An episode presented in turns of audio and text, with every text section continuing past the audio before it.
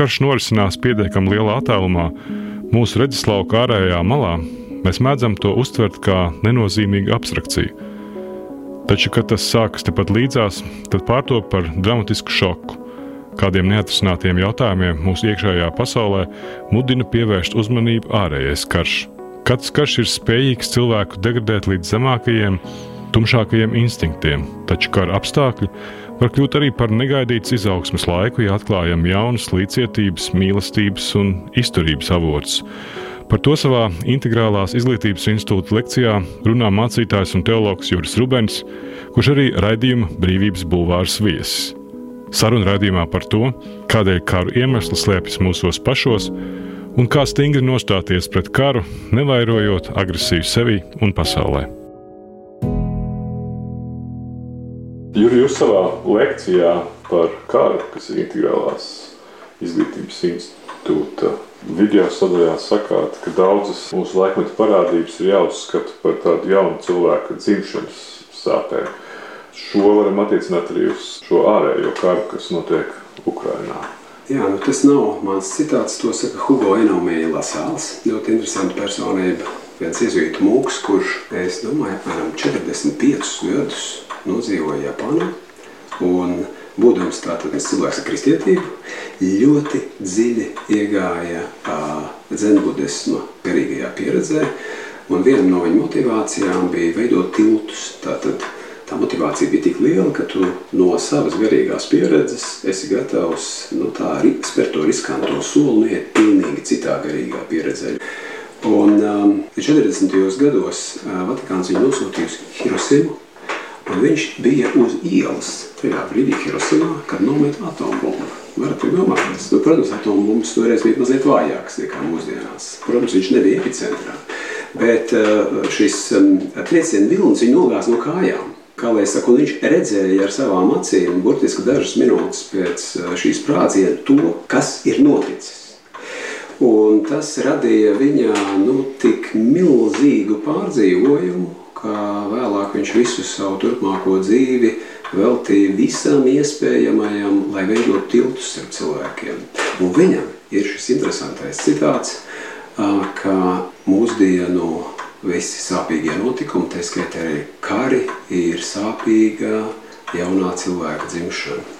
Nu, jā, es domāju, ka kari parāda to, kā ļoti, ļoti lēnām dzimst un veidojas cilvēks. Cik ļoti tas ir sarežģīts process. Trīs soļus priekšu, divi atpakaļ. Izrāvieni, atkritieni. Kādreiz liekas ļoti tādi arhaiski veidi, kā mēs kārtojam attiecības. Kā, kā pēdējais arguments, no tā, ka es, es situ otram. Jūras Rubens ir teoloģijas doktors, Ilgus gadus bijis mācītājs. 1983. gadā pabeidza mācības Evanģēlas Lutheriskās baznīcas teoloģijas seminārā, kalpoja Liepājas Lutera draugzē un līdz 12 gadam bija Rīgas Lutera draugs mācītājs. Līdztekus 2009. gadā nodibināja meditācijas centru Elījas Nams un Cīrihē absolvēja kontemplācijas skolu Vija Integrālis un tika ordinēts par kontemplācijas vai meditācijas skolotāju. Pēc 36 gadu kalpošanas baznīcai 18. gadā Juris Rubens iesniedz atlūgumu un atstāja mācītāja darbu Evanģēlas Lutheriskajā baznīcā, ko vēlāk nosauca par sāpīgāko lēmumu savā dzīvē. Šobrīd viņš ir integrālās izglītības institūta programmu vadītājs un pasniedzējs, un vairāk nekā 20 grāmatu autors. Bet eh, nu, daudz uzskata, ka ir, mēs atrodamies kaut kāda jauna laikmeta sākumā. Kā mēs to varam nu, ieraudzīt vai saprast, vai šī vēl ir vecā laikmeta bojāja un kurā brīdī tas laikmeti mainās? Tie laikmeti mainās ar cilvēkā iekšā, vai ne? Un šie laikmeti nemainās sinhroni visos cilvēkos. Šī iemesla dēļ um, vai ne ir svarīgi atcerēties to, ko viens no lieliem apziņas pētniekiem Kens Ilbers raksta kā mēs uh, ejam cauri noteiktām apziņas attīstības stadijām. Katra apziņas attīstības stadija ir noteikta perspektīva, kā es skatos uz pasauli. Kaut kas izskatās ļoti pareizi, un attaisnojami, un tas ļoti dumji. Iespējams, ka es nonāku tajā nākamajā stadijā, tad tas, ko es esmu darījis agrāk, man izskatās ne? Bet atrodamies šajā stadijā, es skatos uz pasauli no šīs stadijas un rīkojos atbilstoši savam konceptam. Un eh, mēs šajā pasaulē cilvēki nepārtraukti atrodamies uz ļoti dažādām attīstības stadijām. Un tāpēc nu, tās pārmaiņas nav tādas nu, vienlaicīgas. Daudzos cilvēkos notiek lielas pārmaiņas, liela pagrieziena, bet ne visos. Un um, vienmēr laikam ir bijis tā, ka uh, ir kāds neliels cilvēku skaits, kas dažādu iemeslu dēļ pirmie sasniedz kaut kādu tādu izlaušanās punktu, lielās mistiskās personības, vai Buda, vai Jēzus, vai, vai vēl kāda cita, vai nezinu, kādi pravieši. Parasti viņus nosit apkārtējie, vai kaut kā citādi tādi izrīkojas. Nu, paiet kaut kāds gada simti vai gada tūkstoši, mēs aizējām līdz kādam punktam, mēs saprotam, o, tas bija kaut kas. Mēs reaģējam uz notikumiem atbilstoši tam skata punktam vai, nezinu, adresei garīgai, kur es atrodos. Es skatos šo notikumu un attiecīgi reaģēju. Ja mēs runājam par pārmaiņām, mēs runājam pavisam noteikti par to, ka aizvien vairāk ir cilvēku, kuri ir spējīgi saprast, un ne tikai saprast, bet arī tās sajust, ka šis veids, nu, kā kārtot attiecības citam ar citu, nu, piemēram, šaut un spridzināt, nu, tas nav veids, tas galīgi nav veids, kā kārtot lietas.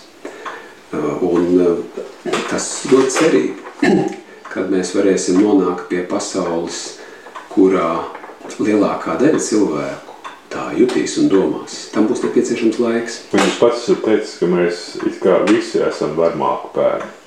Mm. Jo mēs esam izdzīvojuši pateicoties tam, ka mūsu cenšiem ir piemetusi spēja būt vardarbīgiem vai varmācīgiem. Vai kā tu saproti? Nu, teiksim, saprotot to, ka ejot cauri ļoti garai cilvēces attīstības gaitai, varēja izdzīvot caurmērā veiklākie, viltīgākie, lunkanākie, slīpētākie un agresīvākie, vai ne? Tad mums ir jāpadara vērā, ka jā, mēs esam šādu varmācīgāko, viltīgāko, slīpētāko cilvēku pēcteči. Un mēs nesam arī to sevī. Un tas arī ir mūsu uzdevums to transformēt, vai ne? Transformēt. Tas, kā lai saka, Tas nav stāsts par to, ka, um, ka mums vajadzētu sajusties visiem vainīgiem, bet eh, tas ir stāsts par to, ka nu, tāds ir cilvēka tapšanas ceļš. Un tādā veidā mēs esam nonākuši šeit. Un tas mums ir jāizskaidrojas ar savu tapšanas ceļu. Un es domāju, tas arī tā skaitā rada visas tās grūtības. Nu, piemēram, dažos cilvēkos šī varmācības komponente joprojām ir ļoti spēcīga. Dažiem cilvēkiem ir iespēja kaut ko ar to jau sākt darīt. Bet jā, mums, kā cilvēkiem, kuri esam spējīgi sevi apzināties nu, teiksim, kaut kādā plašākā veidā, mūsu uzdevums ir izskaidroties ar savu tapšanas stāstu. Ne tikai savas eh, dzīves ietverā, kur arī nav slikti papētīt, kā es esmu kļuvis par to, kas es esmu, bet arī tādā ļoti plašā evolucionārā kontekstā. Es nevaru teikt, es šeit ēdu nāzu un dakšiņu, es esmu ļoti tāds zolīts cilvēks, vai ne, un man nav nekāda daļa ar šiem visiem trakajiem mežoņiem. Stop! Es esmu šī garā procesa rezultāts un bez ļoti gara, sarežģīta, asiņaina un varmācīga procesa es nebūtu šeit. Un tāpēc tas, kas bija tā mana doma, ko es tur vēlējos arī pasacīt, karš nav kaut kas tur ārpusē, pie viņiem.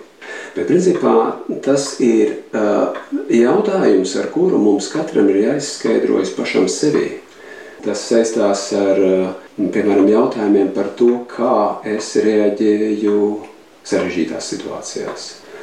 Vai es uh, protu, māku, gribu meklēt nu, teiksim, kaut kādus smalkākus attiecību modeļus, bet nevis tikai tādus vienkārši melnbaltus. Un tas ir grūtums. Mēs neesam šajā pasaulē saņemot kopā kā skatītāji, bet kā dalībnieki. Un mums no dalībnieku perspektīvas ir jāsajūt uh, notiekoši. Radījums Brīvības Bulvārs. Sarunas par to, kas notiek un ko mēs par to varam domāt.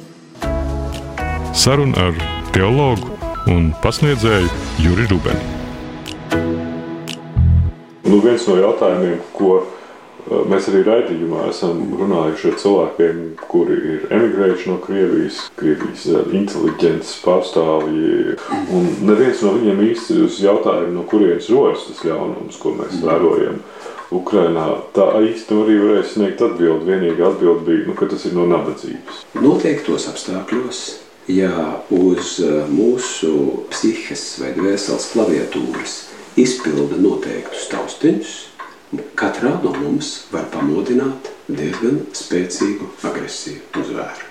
Principā, principā, Tas man šķiet bija, kurš bija no tiem lielajiem autoriem, kurš bija sacījis to, ka tu sapratīsi otrā pasaules kara, tur, teicam, nacistu zvērības koncentrācijas nometnē, tikai tad, kad tu sapratīsi, ka noteiktos apstākļos tu pats varētu būt tāds zvērs. Tātad, principā, tas potenciāls mūsos ir. Un tā viena lieta ir jādomā par to, ka jā, mēs noteiktos apstākļos uh, visi varam kļūt par zvēriem. Un ir, ir labi to apzināties un saprast. Man viena no atbildēm, bet tā droši vien nav, nav vienīgā atbilde. Viena no atbildēm ir tā, ka mm, demokrātijas arī nav no baigi ideālās sistēmas, un tur mēs redzam visu kaut ko citu. Bet tad, ja viens cilvēks kādā valstī, lielā valstī, absolūti konsolidēs savu varu līdz tādai pakāpei, ka šis viens cilvēks var pieņemt jebkādus lēmumus, tad, protams, tāda valsts ir ļoti, ļoti bīstamā stāvoklī un arī tad pasauli bīstamā stāvoklī. Es šķiet kaut kur lasīju arī pa karu, kāds arī no sapcitu Krievu analītiķiem sacīja, ka pat uh, 79. gadā kad Politboja birojā bija diskusijas par iebrukumu Afganistānā. Tur bija doma dažādība, un viens cilvēks nepieņem lēmumu. Tur bija liels batālijas, un ap citu, tur bija kaut kādi ģenerāļi, kuri iebilda pret to.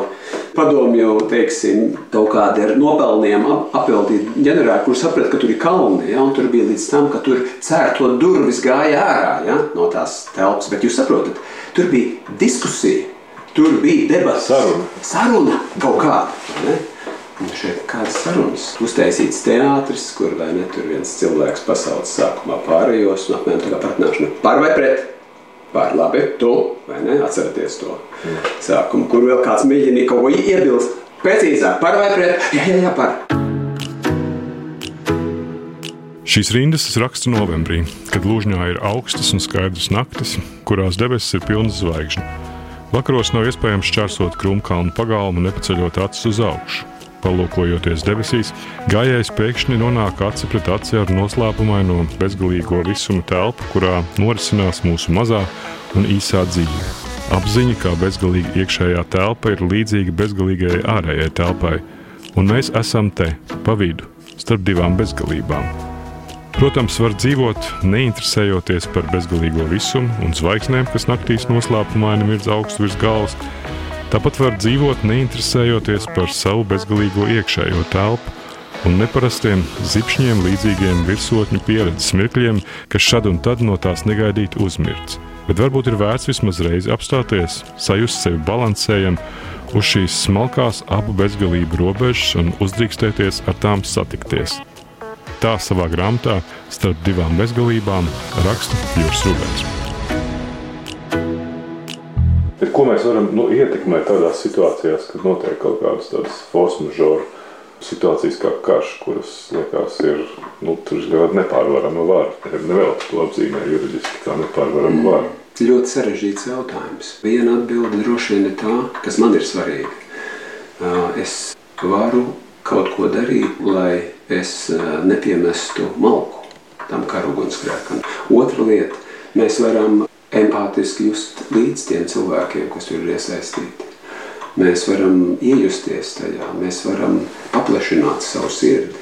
Nu, ja mēs saprotam, cik tas ir īstenībā briesmīgi, ir kāda puse, kuru bombardē un spridzina, un tad ir otra puse, kur kaut kāds jauns zēns, man 18 gadīgus, vienkārši sūta kaut kur, kur ir tikko, nezinu, no skolas sola un kurus arī tur nošauja. No tā just līdzi atvērt savu sirdi, tas nav maz. Varētu likties, ka tas ir nekas, bet tas nav maz. Um, varētu likties, nu, kas tas ir, ka tu tur aizēji varbūt kādā piketā vai piedalījies kādā mm, pretkara demonstrācijā. Nu, īstenībā tas ir ļoti spēcīgs rīks. Ja sabiedrības, ja cilvēki demonstrē redzamā veidā savu attieksmi, tie kari ir briesmīgi ar to, ka tie ierauj cilvēkus šajā nu, ļoti vienkāršotajā domāšanā. Ja kā daži mēdz sacīt, ka karus šķērso, nu, tas tā var būt metaforiski sacīts, ļoti bieži divu veidu personību struktūras. Vai nu cilvēki kļūst par svētajiem vai par neliešiem.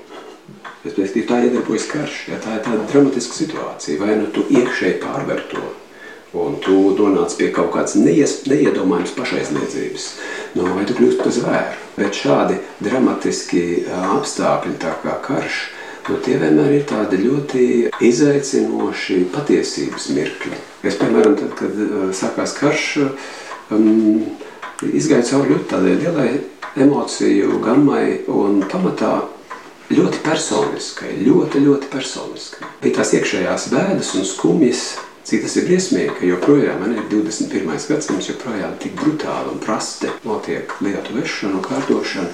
Bet es kaut kā ļoti personiski to sajūtu, proti, uzdodot jautājumu, nu, kāpēc manī arī ir kaut kādas lietas, kuras es neesmu iemācījies risināt neagresīvā veidā, vai kāpēc arī man ir kaut kādas robežas, kuras um, neesmu varējis, bet neesmu gribējis meklēt tiltus. Un tā lietojot īstus vārdus, saucot lietas īstajos vārdos. Ja, bet jūs arī izjutāt dusmas, naidu pret to, kas tur notiek? Ļoti plašs, teiksim, emociju spektrs. Bailes. Ļoti plašs emociju spektrs, bet visvairāk milzīgas skumjas.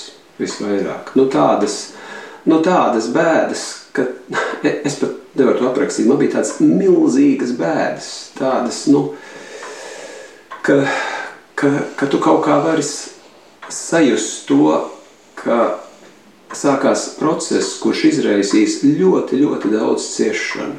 Tās bēdas bija tik lielas, ka man vairākas dienas eh, fiziski sāpēja sirds. Un es domāju, ka tas ir kaut kas tāds neparasts, bet tad es runāju ar daudziem pazīstamiem cilvēkiem un mazāk pazīstamiem cilvēkiem, un man neskaitāmi cilvēki teica tieši to pašu ka burtiski tev tāda psihosomātika, ja, ka tev spiež sirds, ka tev ir grūti elpot. Nu, līdz tādai pakāpei tādas milzīgas skumjas īstenībā. Skumjas, nu, skumjas par mums, par cilvēku. Es domāju, es ceru, ka mēs esam nākuši šurp no dievnamiem. Un, ja esam bijuši dzirdīgi, tad tur iespējams sadzirdējuši atbildi Ko tauta var likt pretī pārspēkam, ļaunumam, nodevībai, bailēm? Mums ir ko likt pretī, ja mēs te stāvam kā kristīga tauta. Cik ļoti es vēlētos, ka visi, kas šeit esam tuvu vai sekojam notiekošajiem no tāluma, varētu sevi apzināties kā kristīgas tautas locekļus. Jo tad mēs esam bagāti, tad jūs saprotiet, mums ir kas tāds, ko neviens nevarēs atņemt un uzvarēt. Tad, un tas ir pats svarīgākais, mums tik dažādiem cilvēkiem. Tas bija toreiz, tie 80 gadu jā, jā, tas bija toreiz, jā, tas bija dramatisks laiks. Tagad ir skaidrs, ka tas lielais pagrieziens. Jā, jā, tas bija, nu, tas bija tikai Latvijas līmenī. Jā. Tas bija liels pagrieziena punkts. Es biju ļoti, ļoti jauns. Man bija toreiz 26, 27 gadi. Tev nav pieredzes dzīves un zināšanu. Daudz ko tu nesaproti un nezini. Bet uh, tas vairāk bija stāsts par to, ka es varēju uzticēties kaut kādām iekšējām kustībām. Bet uh, es nesaku, ka šobrīd es visās jomās esmu daudz gudrāks par to, par to uh, teiksim, manu versiju, kāda bija pirms 35 vai cik gadiem. Kaut ko varbūt iegūstot pieredzes ceļā klāt. Tas tikai apstiprinājies, ka tādos krīžu brīžos, zināmā tie krīžu brīži tādi, kuri atstāja ļoti mazu manevra iespēju fiziskajā pasaulē. Un to iespējams vislabāk attēlo Jēzus Krusts, vai ne? Tev pienaglo. Burtiski ir notikumi, kuri tevi pienaglo vienā vietā. Un tev nav versijas tikt no tās vietas nost. Jā, tu vari vienkārši lādēt visu pasauli, tu vari, teiksim, vienkārši nepieņemt un iekšēji pretoties šai, šai situācijai līdz pēdējiem un vienkārši tikai kāpināt tās ciešanas. Bet vari atklāt to vienīgo virzienu, kurā brīvība ir iespējama iekšējo dimensiju. Un kādreiz ne, tas ļoti sašaurinātā manevru iespēja situācija, kad tiek šaurā dzelzs koridorā, ļauj atklāt to perspektīvu, kurā ir bezgalīga brīvība kurā tu vari augt, un kurā augot, tu vari pāraugt šo situāciju un nonākt pie jauniem risinājumiem. Runājot kristīgā metaforiskā valodā, no krusta ir ceļš vai uz bojājēju, vai uz augšām celšanos, jauna kvalitāte. Viena no idejām, ko jūs izvirzat kā risinājumu, ir kolektīvās inteliģences ideja. Vai tā ir tāda sava veida nu, utopija tajā nozīmē, ka tāda kolektīva inteliģence ir iespējama? Nu, tā nav utopija.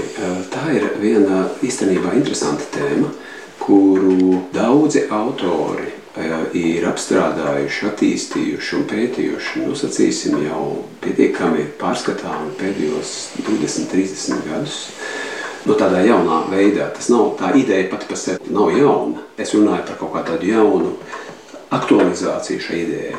Tā ideja ir tā, ka noteiktā pieredzes garīgās pieredzes dziļumā vai nezinu, pieredzes modalitātē, mēs varam atrast saikni cits ar citu. Citiem vārdiem, mm, virspusē mēs vienmēr būsim atšķirīgi, un ir labi, ka mēs esam atšķirīgi. Mums nav jābūt uniformētiem. Ir labi, ka ir dažādas tautas, dažādas nācijas, dažādas kultūras, dažādas reliģijas, UTT. Tas ir ļoti labi. Bet tas lielais uzdevums ir atrast to uh, saiti, nu, to avota saiti. Viens no tiem, kas par šo ir daudz rakstījis, ir Otto Šarmers, kas nav kaut kāds, teiksim, nezinu, reliģisks domātājs, bet ekonomists. ekonomists. U-teorija. Jā, precīzi, jā.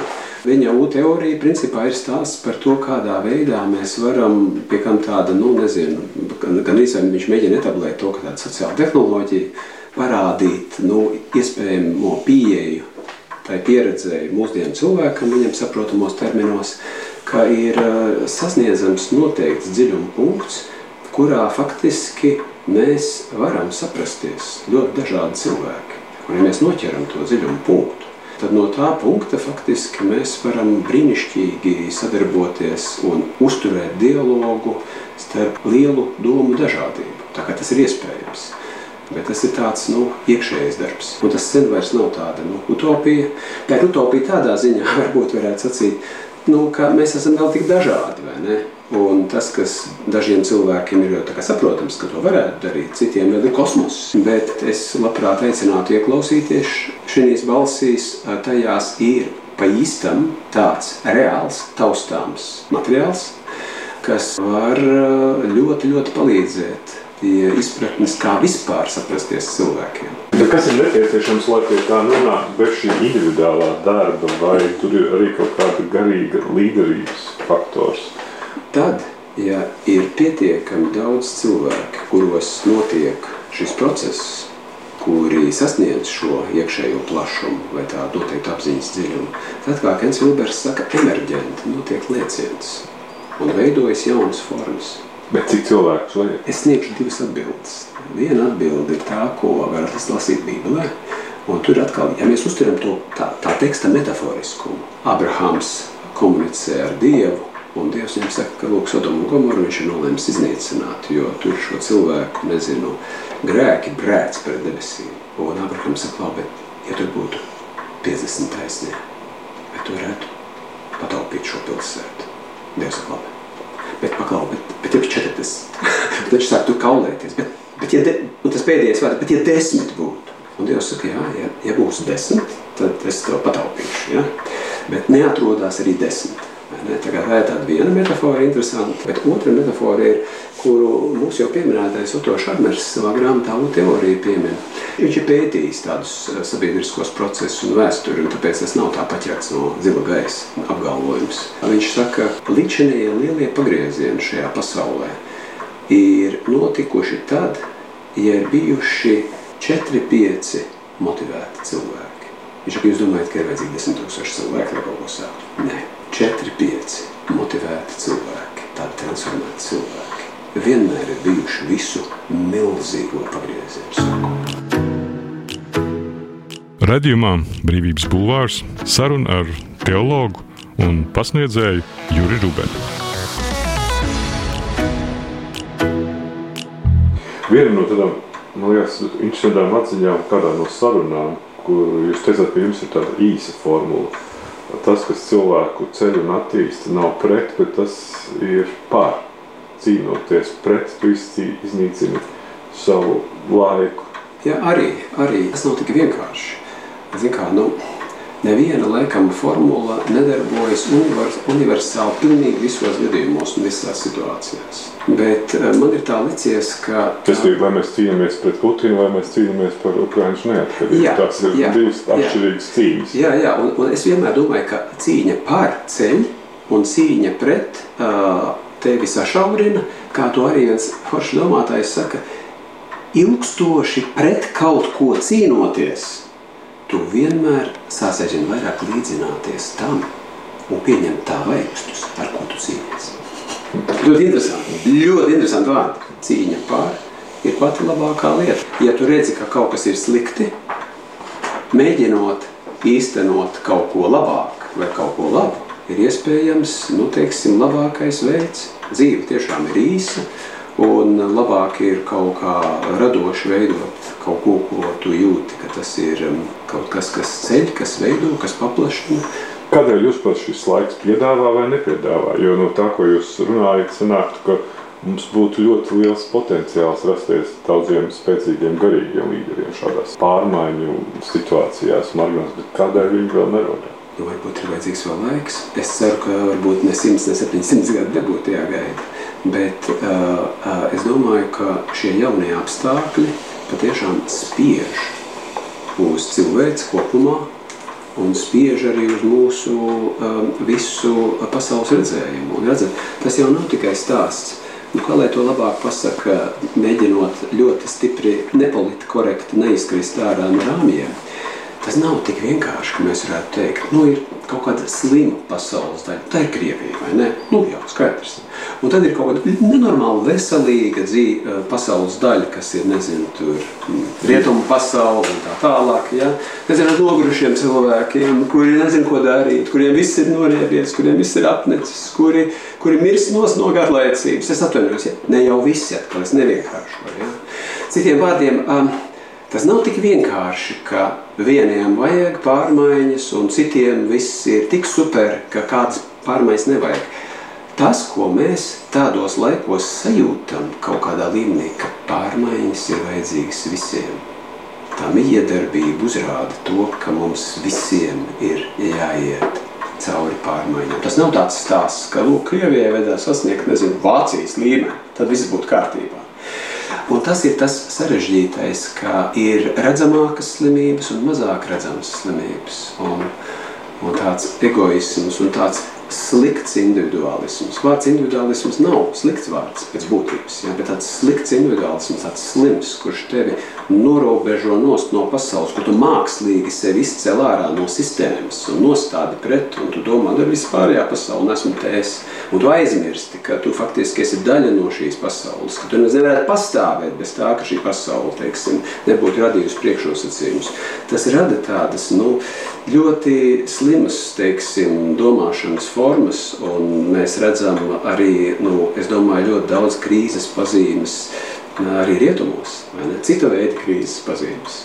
Un kādreiz lūk šādi dramatiski notikumi, tie iespējams ir spējīgi mainīt visas iesaistītās puses. Varbūt tas ir arī tas uzdevums. Labi, paldies jums! Brīvība ir brīvība. Nevienlīdzība vai taisnīgums, vai kultūra vai cilvēks laime. Tā teica Iesai Berlīns. Sarunas ar brīvas apziņas un ideju cilvēkiem radījumā Brīvības bulvārs.